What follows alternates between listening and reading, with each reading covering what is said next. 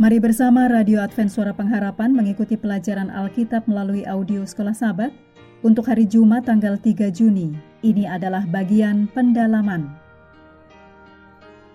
Mari kita mulai dengan doa singkat yang didasarkan dari Mazmur 41 ayat 14. Terpujilah Tuhan Allah Israel dari selama-lamanya sampai selama-lamanya.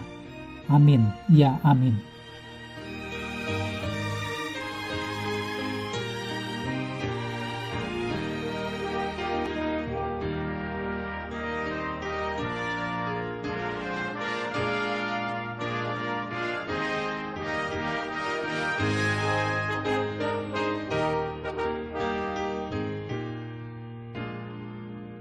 Anda perlu membaca tulisan Ellen G. White judulnya Malam Pergumulan, halaman 224 sampai 233 dalam Alfa dan Omega jilid yang pertama. Berikut ini kutipan dari buku Alfa dan Omega jilid 1, halaman 229 sampai 232. Pengalaman Yakub selama pergumulan dan penderitaannya itu menggambarkan ujian yang akan dialami oleh umat Allah sebelum kedatangan Kristus yang kedua kalinya. Demikianlah pengalaman yang akan dilalui oleh umat Allah di dalam pergumulan mereka yang terakhir dengan kuasa kejahatan. Allah akan menguji iman mereka, ketabahan mereka, kepercayaan mereka terhadap kuasa Allah untuk melepaskan mereka setan akan berusaha untuk menggentarkan mereka dengan pemikiran bahwa mereka tidak ada harapan lagi, bahwa dosa mereka sudah terlalu besar untuk dapat diampuni.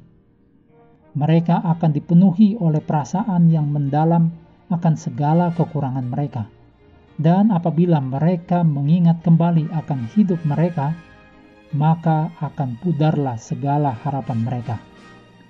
Tetapi mengingat akan kebesaran rahmat Allah dan pertobatan mereka yang sungguh-sungguh, mereka akan menuntut janji-janji Allah melalui Kristus yang diberikan kepada orang-orang berdosa yang tidak berdaya dan telah bertobat. Iman mereka tidak akan gagal hanya oleh karena doa mereka tidak segera dijawab. Mereka akan tetap berpegang kepada kuasa Allah sebagaimana Yakub berpegang kepada malaikat itu dan bahasa jiwa mereka adalah Aku tidak akan membiarkan engkau pergi jika engkau tidak memberkati aku. Namun demikian, sejarah hidup Yakub adalah satu jaminan bahwa Allah tidak akan membiarkan begitu saja orang-orang yang telah ditipu ke dalam dosa, tetapi telah kembali kepadanya, kepada Allah, dengan pertobatan yang sejati. Adalah dengan penyerahan diri dan iman yang teguh bahwa Yakub telah memperoleh apa yang ia telah gagal untuk memperolehnya dengan cara bergumul di dalam kekuatannya sendiri.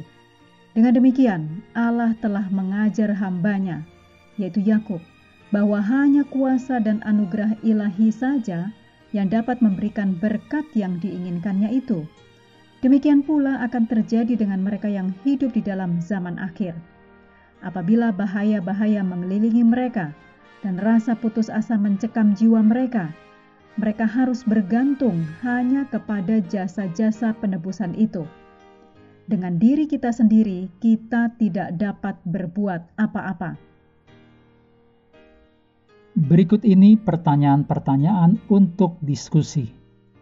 Yang pertama, mengapa kelemahan Yakub merupakan kesempatan untuk kasih karunia Tuhan. Bagaimana pengalaman Yakub berhubungan dengan pernyataan Paulus di dalam 2 Korintus 12 ayat 10 yang dikatakan, "Jika aku lemah, maka aku kuat." Yang kedua, menurut Anda, mengapa Alkitab mengungkapkan begitu banyak detail kotor tentang kehidupan dari banyak karakter tokoh-tokohnya. Apa gunanya Alkitab mengungkapkan ini dan pelajaran apa yang dapat kita ambil? Pertanyaan ketiga, membahas tentang masalah penyembahan berhala. Adakah berhala dalam budaya kita, peradaban kita?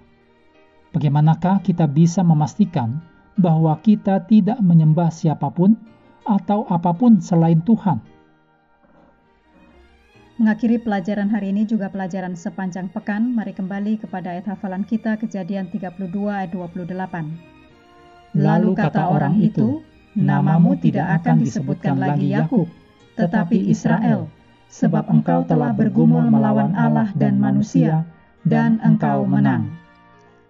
Pendengar yang dikasihi Tuhan, di tahun ke-35 pelayanan AWR Indonesia, kisah dan kesaksian pendengar terkait siaran dan pelayanan audio kami terus-menerus dikompilasi.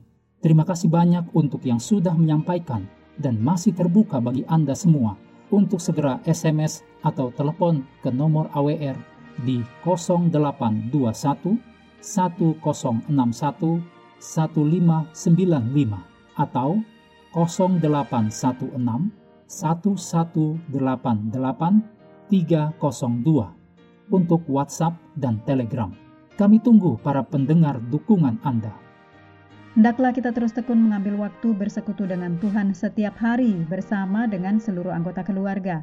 Baik melalui renungan harian, pelajaran sekolah sahabat juga bacaan Alkitab sedunia, percayalah kepada nabi-nabinya, yang untuk hari ini melanjutkan dari bilangan pasal 24. Tuhan memberkati kita semua.